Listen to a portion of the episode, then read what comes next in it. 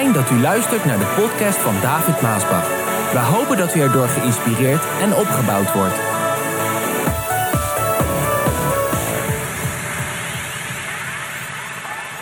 Lieve mensen, ik zat te denken bij mezelf. Je ziet echt hoe de duivel bezig is om alles te kapot te maken. Jezus zegt over hem, hij is gekomen maar één voor één ding om te slachten, te stelen en te vernietigen. En je ziet gewoon dat de duivel rondgaat als een briesende, boze, kwade leeuw om te zoeken wie kan ik vernietigen, wat kan ik stuk maken. Alles wat van God is, wil de duivel kapot maken. Lees mijn boek maar in de boezem van het kwaad, wat ik nog niet zo lang geleden heb uitgebracht. Daar staan al die tactieken ook in en wie hij is en hoe die, hoe die in wording is gekomen, hoe dat allemaal is gekomen met het kwaad. Het kwaad is verschrikkelijk. En je ziet dat hij overal rond, overal brengt die verdeeldheid.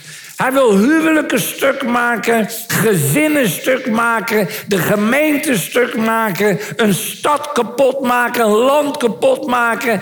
En als het lijkt alsof hij iets geeft, is het alleen maar om je in de tang te nemen en kapot te maken. En ik hoop dat wij dat als gemeente ook doorhebben. Hij probeert ook Gods kinderen uit elkaar te spelen. Hij probeert de gemeente uit elkaar te scheuren. Hij probeert altijd om verdeeldheid te zaaien. Zegt Jezus niet over Satan tegen zijn discipelen: Hij is gekomen om jullie te siften? Zegt hij dat niet? Hij is gekomen om jullie uit elkaar te spelen, om jullie te scheiden van elkaar. Jezus zegt ook: een huis dat in zichzelf verdeeld is, valt uit elkaar. De duivel weet dat. Hij weet dat als hij jouw gezin en jouw huwelijk binnen kan komen en jullie uit elkaar kan spelen, dat het huwelijk zal vallen. En dat het gezin uit elkaar valt. En dat een werk uit elkaar valt. En dat een kerk uit elkaar valt. En elke keer lukt het hem om binnen te komen en verdeeldheid te zaaien. Je ziet dat door alle eeuwen heen. Nu ook weer. Elke keer gebruikt hij wel wat. Dan is het weer het, het rassenverschil tussen zwart en wit. Met die hele toestand van de afgelopen jaren over, uh, over zwart en wit. Daarin is heel wat verdeeld gekomen. En zo komt dat ook de kerk binnen. Nu is het weer het vaccineren waarin hij verdeeldheid brengt. Ook onder Gods kinderen en in de kerk. Ik zou zeggen wie je ook bent, maar laat je toch niet in de maling nemen door al die dingen. Doorzie de tactieken van de Satan, hoe hij elke keer alles kapot wil maken. Hoe hij alles wil verdelen. Waarom zouden we ruzie maken of je nou wel of niet gevaccineerd bent? Waarom zouden Gods kinderen de kerk moeten verlaten omdat de ene zich niet wil laten vaccineren en de andere wel? Ja, ik ben een voorstander van vaccineren. ben tegen verplichting. Maar waarom zouden we allerlei uitingen moeten doen naar de andere die dit kiest en de andere die dat kiest? Zo hoort het toch niet te zijn in de gemeente? Zo hoort het toch niet te zijn onder Gods kinderen? Hallo? Hallo? Zo hoort het toch niet te zijn. Waarom? Ik heb een foto geplaatst dat ik me gevaccineerd heb. Ik heb me daar nooit voor geschaamd. U weet hoe ik daarover denk. Maar als je dan de reacties ziet, wel honderden reacties, hoe ik de antichrist ben, hoe ik uh, de nummer van het beest in me heb laten spuiten, hoe het allemaal van de duivel is. Ach, lieve mensen, al die uitingen, dat is toch niet uit de geest Gods? En als mensen zo over andere medechristenen praten, is toch niet uit de geest Gods? Waarom zouden we daar verdeeldheid door moeten laten toelaten in de gemeente. En dat wij ons door de duivel uit elkaar laten spelen. Wil je niet vaccineren, dan moet je dat uiteindelijk zelf weten. Wil je wel vaccineren, moet je het ook zelf weten. Iedereen is verantwoordelijk. Zegt Paulus. En zul zelf verantwoording moeten afleggen ook aan de Heer. En natuurlijk moet je ook nadenken over de zaken. En natuurlijk moet je niet te gauw praten. Niet te gauw oordelen. Niet te gauw uitspraken doen. Sommigen zijn er zo goed in die dat, dat flapt er maar uit. En dan denk ik, denk toch eens na voordat je wat zegt. Je doet zoveel pijn. Je doet zoveel verdriet terwijl het niet nodig is. En zo zien we elke keer dat de duivel iets vindt om Gods kinderen uit elkaar te spelen. En om uiteindelijk scheiding te brengen. En dat zien we over de hele wereld. Lieve man, jij bent zwart, ik ben wit, prijs de Heer. Kom, ik geef jou een huk.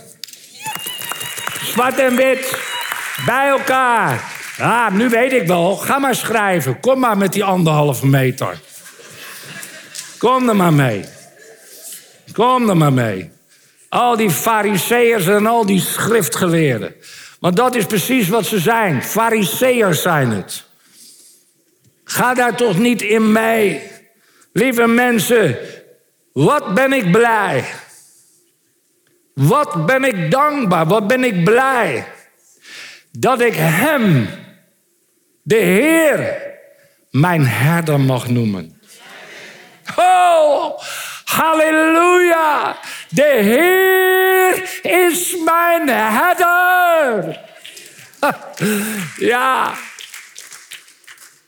Waarom zeg ik dat? Ik ben zo dankbaar in al die omstandigheden en situaties. Lieve mensen, de Heer is mijn herder. Daar valt heel wat over te zeggen. Heel veel. Wie is Hij die mijn herder is? Wie is Hij die ik mijn herder laat zijn?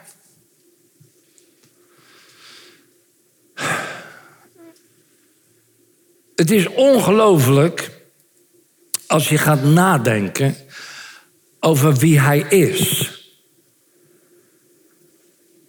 Want we praten wel wat velen niet meer geloven, zelfs ook binnen het christendom niet. Er zijn heel wat predikanten en dominees die geloven dat niet meer. Maar hij is de levende God en schepper. Schepper. Hij is de maker, de schepper van alles wat is. Hij is de maker en schepper van het heelal. Van het hele universum. En als je daarover, als je een beetje. Kijk, de meesten zullen zich daar misschien nooit in verdiepen, want het gaat te ver of boven je pet of je bent gewoon niet geïnteresseerd. Maar ik, ik kijk dan wel eens zo naar die, uh, uh, die getallen en die beelden. Op, op YouTube valt ook veel te vinden of uh, internet, uh, YouTube van, van afstanden en grootte en materie. Nou, ik begrijp het ook niet allemaal als ik dat lees. Maar ik kan veel, ja, in grote lijnen dat ik denk: hoe is het mogelijk? Zo groot, dat heelal, dat universum. Uh, je praat over. Kijk, die, die, die getallen zijn zo lang met zoveel nullen. Dat, dat gaat niet. Zoveel nullen zijn er. Dus dat hebben ze dan verkleind en dat noemen ze dan een lichtjaar. Een lichtjaar, dat is de afstand die het licht aflegt naar een bepaald doel. Dus een ster, zeg een ster, is vier. Ik geloof dat de dichtstbijzijnde ster vier lichtjaren van ons vandaan is. Nou, wat is die afstand dan? Dat is een afstand waar het licht en het licht reist met 340.000 kilometer per seconde. Luister, 340.000 kilometer per seconde gaat het licht. En 340.000 kilometer per seconde en dat vier jaar lang kom je bij de eerste ster. Hallo? En dan praten ze over wat ze dan kunnen meten. Zover dat ze kunnen meten is bijvoorbeeld 13 à 14, zeg maar 14 miljard lichtjaar. Ho! 14 miljard lichtjaar. Dat is 330.000 kilometer per seconde. Dat 14 miljard jaar lang. Waarvan er miljarden sterren zijn. En miljarden sterrenstelsels waar wij daar één van zijn met onze zon en maan en dan Saturnus en Pluto en die paar planeten die we dan hebben. En daartussen, daar staat dan het bolletje aarde. Hallo, hallo. Wat immens. En dan lees je over die zwarte gaten. Nou, ze weten nog niet half daarvan. Maar die zwarte gaten die schijnen dan in het heelal te zijn. En die slokken planeten of, of sterren zo groot als onze zon en nog veel groter slokken die op. Alsof het stofzuigers zijn van, van dode sterren. Het, het, is gewoon niet te geloven. En dan zijn wij op dat hele kleine bolletje aarde mens. En als je dan over alleen onze eigen zon praat met miljarden graden. Eén vuurbol, waardoor de warmte van die bol onze aarde precies verwarmt. Zodat wij kunnen leven.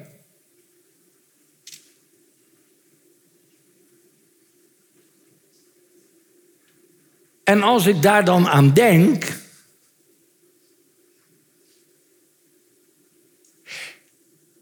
En ik hoor dan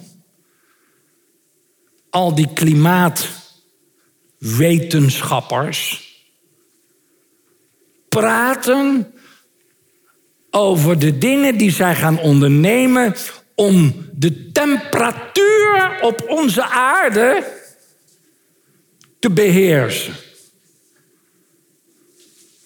Hallo. Ik zeg jullie, jullie zijn helemaal gek. Knettergek. Ik weet dat jullie tegen mij zeggen, die, die man is knettergek. Gelukkig leven in een vrij land, ik mag het ook tegen jullie zeggen.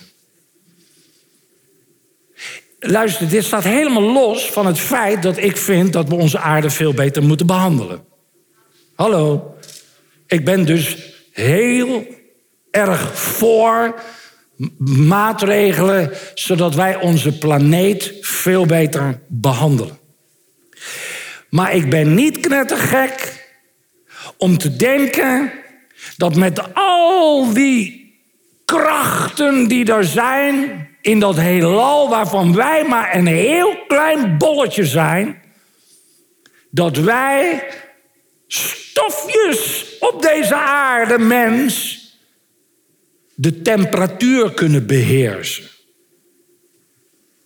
Trouwens, vergeet het maar, want de Bijbel zegt dat deze planeet zal door vuur vergaan. Zo, het wordt al behoorlijk warm. Bereid je maar voor. Hallo.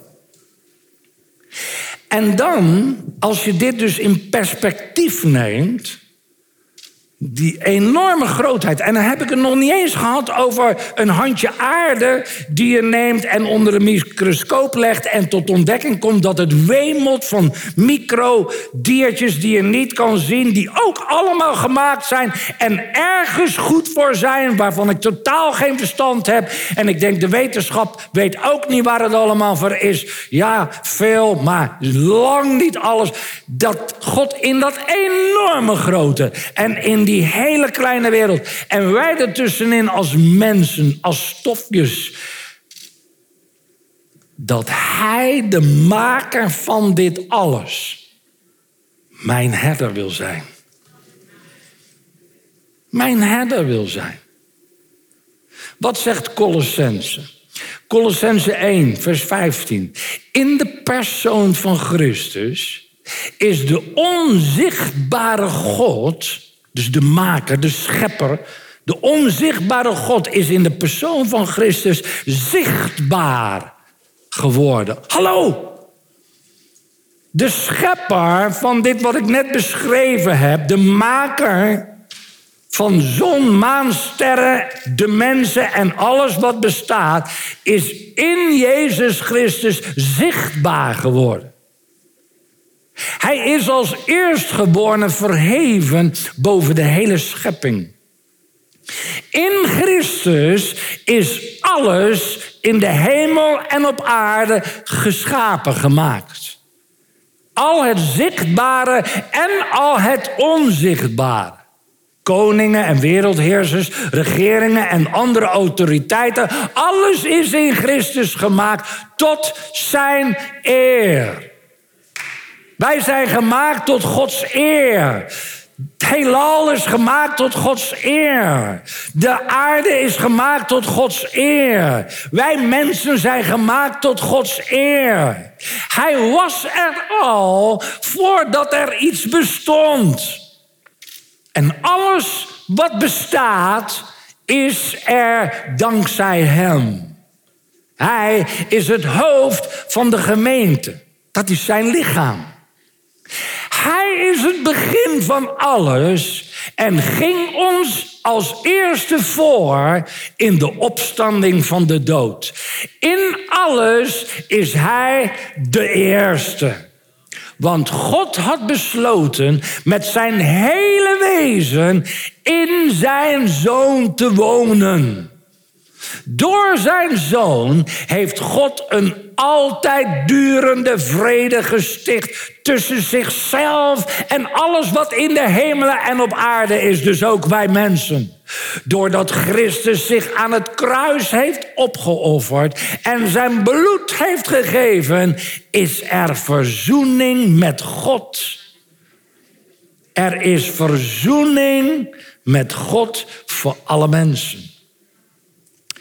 Ja, kijk, dat niet alle mensen dit geloven en aanvaarden, dat is één ding.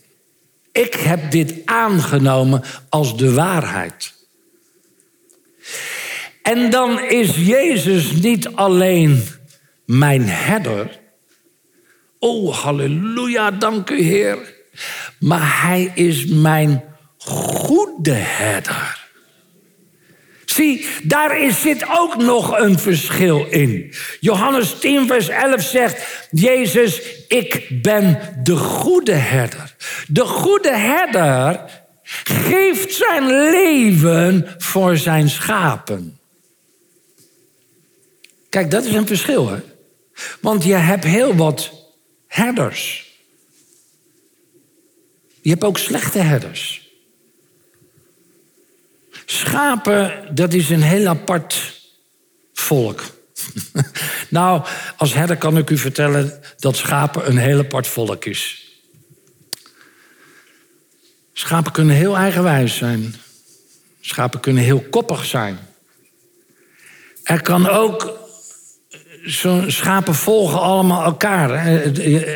Er kan ook zo'n soort schaaphysterie ontstaan. Heb ik ook allemaal meegemaakt. Lees mijn boek, Verlies nooit je geloof. En Jezus die laat ons zien wat een goede herder is. Want er zijn heel veel niet goede herders. En dan zeg ik het nog netjes. En de duivel, hij is een verschrikkelijke herder. Hij is een duivelse herder. En er zijn heel wat schapen op zijn weide. Kan je het weide noemen? Ik zou het niet weten. Je zou het beter door een woestijnzand noemen. Hij, hij, hij, hij interesseert zich niks voor de schaap. Hallo, niks. Helemaal niks. Je hebt van dat soort herders. Boeren, zou je kunnen zeggen, misschien in het Hollandse woord die het vee gewoon laten doodgaan. Waar de dieren met allerlei wormen en, nou noem maar op, verschrikkelijk uitgehongerd. Geen voedsel. Interesseert ze niks. Het interesseert ze niks. En het is verschrikkelijk dat er zo ontzettend veel mensen zijn in de wereld die, waarvan de duivel hun herder is. En dan zie je ze, ze hebben niks om te grazen, want de duivel heeft niks om te geven. En het interesseert hem ook niet. Ze gaan massaal dood. En dan zie je die schapen en die kijken door het hek naar die andere schapen. Die een goede herder hebben. Waarvan de schapen dan verlangen naar dat gras. En, en de warmte en de liefde van zo'n goede herder. Zo'n goede herder, die houdt van zijn schapen. Niet vanwege de wol, niet vanwege het vlees of wat het schaap opbrengt, maar gewoon van het schaap zelf. En geeft zijn leven voor dat schaap. Je denkt toch niet dat de duivel zijn leven voor een schaap zal geven? God heeft dat betoond door zijn zoon te geven. En hij heeft zijn leven gegeven. En hij is mijn herder. En ik vind het verschrikkelijk dat er zoveel mensen zijn die omkomen bij een tiran van een herder en dan nog niet zich willen overgeven aan de goede herder. Het is jammer dat er zoveel christenen zijn die zich nooit overgeven aan het gezag van Jezus Christus en Hem toch hun herder noemen. Dat is raar. Dat is raar. Door Hem herder te noemen is, is hetzelfde zoiets als zeggen: Ik en mijn huis, wij zullen de Heeren dienen. Begrijp je dit? Het, het, komt op hetzelfde neer. Ik zeg, ik en mijn huis, we zullen de Heeren dienen. Als ik dat zeg, dan noem ik hem Heeren. Ik beleid dat ik hem wil dienen. En daar hoort een overgave van mij en mijn huis bij. Maar datzelfde geldt ook als je zegt, de Heere is mijn herder.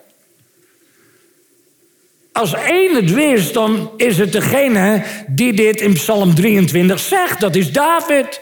Hij was een herder. Hij was, zijn vader was ook herder. Hij wist wat het was om een goede herder te zijn. Hij, hij, hij sprong in de bres voor zijn schaap tegenover een leeuw en een beer. En hij zat daar natuurlijk, s'avonds en vooral in die landen. Daar hebben ze niet zoveel wolken en kan je een sterrenhemel zien, zo prachtig. Dat hij keek naar de sterren en dat hij overmand werd door de geest Gods met liefde en genade. En dat hij dan zegt, Heer, u bent mijn herder, de Heer is mijn herder. U zorgt voor mij. U helpt mij door de moeilijke tijden heen. Wat een heerlijk iets. Eigenlijk wil ik het zo zeggen vandaag. Dat ik er trots op ben om Hem, de schepper van hemel en aarde, Jezus Christus, mijn herder te noemen. En daar schaam ik mij niet voor. De mensen mogen het weten. Ja, of ze het aan zullen nemen of niet, er zullen velen zijn die hem herder noemen en de hemel binnenkomen en zeggen: Maar Heer, ik heb toch in uw naam dit en ik heb in uw naam dat gedaan. En dat de Heer zegt: Ik ken je niet. Een herder kent zijn schapen. Je kan niet je eigen onbezonnen leven blijven leven en precies doen wat je zelf wil en aan de andere kant hem je herder noemen. Want een herder leidt de schapen. Een slechte herder brengt de schapen elke keer in allerlei toestanden en er is geen voedsel en kaal en geen water en noem maar op. Maar een goede herder leidt zijn schapen. Ik probeer ook een goede herder te zijn. Mijn hele leven heb ik dat geprobeerd. En ik, ik, ik doe mijn best ervoor. En het is jammer dat niet iedereen dat ziet. Maar ik probeer een goede herder te zijn. Ik heb het voorbeeld aan Jezus, die de goede herder is. En, en dat probeer ik ook te zijn. Ik probeer de waarheid te zeggen als ik de waarheid moet zeggen. Dat vindt niet elk schaap leuk. En sommige schapen zijn zo boos dat ze weggaan. Oké, daar kan ik niks aan doen. Maar ik probeer een goede herder te zijn om uit liefde toch de waarheid te brengen. En uit liefde de gemeente, het werk, de gemeente, zoals de geest Gods mij leidt, door de stormen heen te leiden. Dat is niet altijd leuk, niet elk schaap begrijpt dat. Maar als je hem ervaart als je herder, luister dan naar hem. En datzelfde geldt bij mij. Ja, maar David, en dan krijg je natuurlijk al die verhalen weer. Maar de tijd zal het leren. En daarom ben ik zo blij dat ik vandaag hem mijn herder mag noemen. En ik hoop dat u zich niet schaamt en dat u kan zeggen: David Maasbach, hij is mijn herder. Ik ben die onderherder, weet je wel. Maar goed, ik ben wel een herder. Ik zou niet anders weten, hoe moet ik me anders noemen? ik hoef ook weer niet uh, vromer dan de paus te zijn. in nederigheid, zeg maar. Maar ik ben wel een herder. En ik probeer een goede herder te zijn. En ik hoop dat je dat aanneemt. Ook als ik dingen moet zeggen, maar ik weet wel hoe schapen zijn. Schapen die komen niet altijd, want ze weten van tevoren al wat de herder gaat zeggen. Daarom komen ze niet altijd natuurlijk. Want schapen is een heel apart volk, dat kan ik wel vertellen. Maar hij is een goede herder. Hij is ook jouw herder. Hij is een herder van de kudde en hij is een herder van elk individueel schaap. Prachtig toch? En hij laat ons dat zien. En New Jenners, die behoren hem toe. Die behoren de herder toe. Want dat is eigenlijk waar het op gaat bij een herder. Zie je? En, en, ik denk dat daar de schoen bij heel wat mensen wringt. Want ze moeten erkennen dat hij het eigendomsrecht over jou heeft. Dat is eigenlijk waar de kern zit. Ze moeten erkennen, daarom heeft de wereld zo'n groot probleem hiermee, om te erkennen dat er een God bestaat. Die alles geschapen heeft, waar ik het net over had. Ik geloof dat God alles geschapen heeft. Als je het ziet, dan kan het gewoon niet door een evolutie en een Big Bang gebeurd zijn. Dat zijn mensen die, ja, die hebben meer geloof dan ik zelf dat dat mogelijk is. Ik geloof dat er een schepper is die het allemaal geschapen heeft. En als hij het geschapen heeft, is hij de maker. En als hij de maker is, dan is hij de eigenaar. En hij is zelfs zo ver gegaan dat hij ons, toen wij ons eigen weg gingen, als maker ons met een dure prijs weer heeft terugbetaald, teruggekocht. Dat laat zien dat hij een hele goede herder is, die heel veel van ons houdt. Maar het betekent ook dat ik erken dat hij mijn eigenaar is. Dat hij gezag over mij heeft. Daar is waar velen vandaag niet van houden. Dat is wat de wereld ook niet wil. En uh, dat zie je vooral ook nu in de, in de kabinetsformatie. Dat, ook, dat duurt ook zo tergend lang. En dan die verschrikkelijke mens Kaag ja, die is een verschrikkelijk mens, die Kaag. Die hele partij is een belichaming van alles wat goddeloos is. Maar ik weet wel waar ze op uit is. Zij, die geest in haar en in die partij... die willen alles op alles zetten, doorzetten... dat ze dat voltooid leven er ook doorheen krijgen. Want dat is de partij die achter al die dingen zit. Euthanasie, noem ze maar op.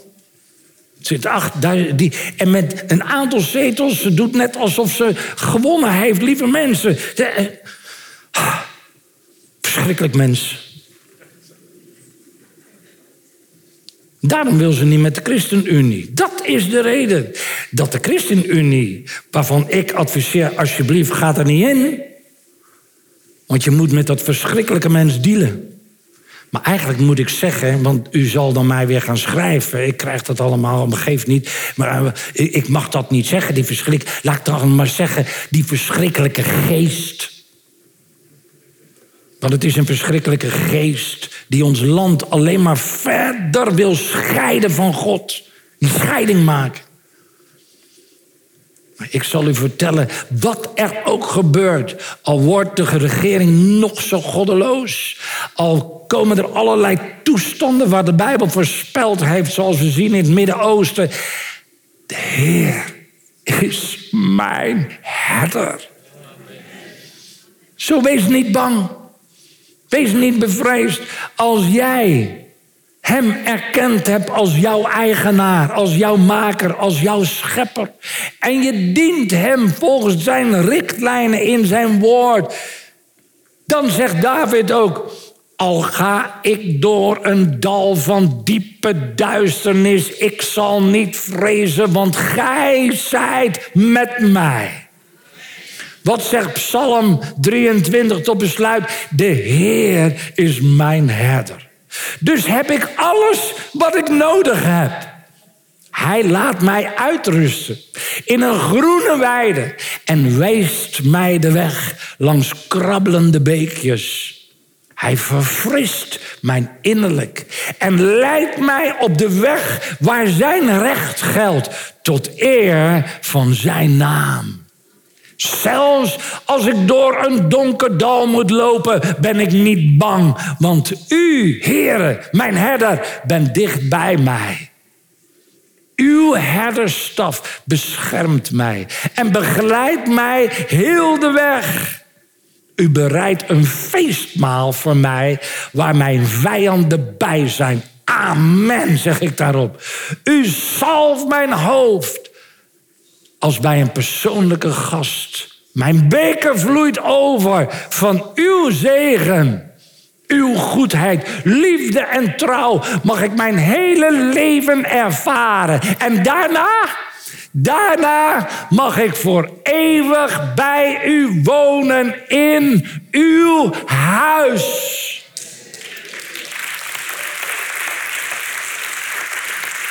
Als jij Jezus nog niet als jouw herder hebt toegelaten in jouw leven, wie je ook bent, wat je ook gedaan hebt en waar je ook vandaan komt, leg je hand op je hart en zeg: Vader, vergeef mij al mijn zonden. Heer Jezus, ik neem u aan als mijn redder en mijn herder. Ik wil u volgen, dienen en gehoorzamen. In Jezus' naam. Amen.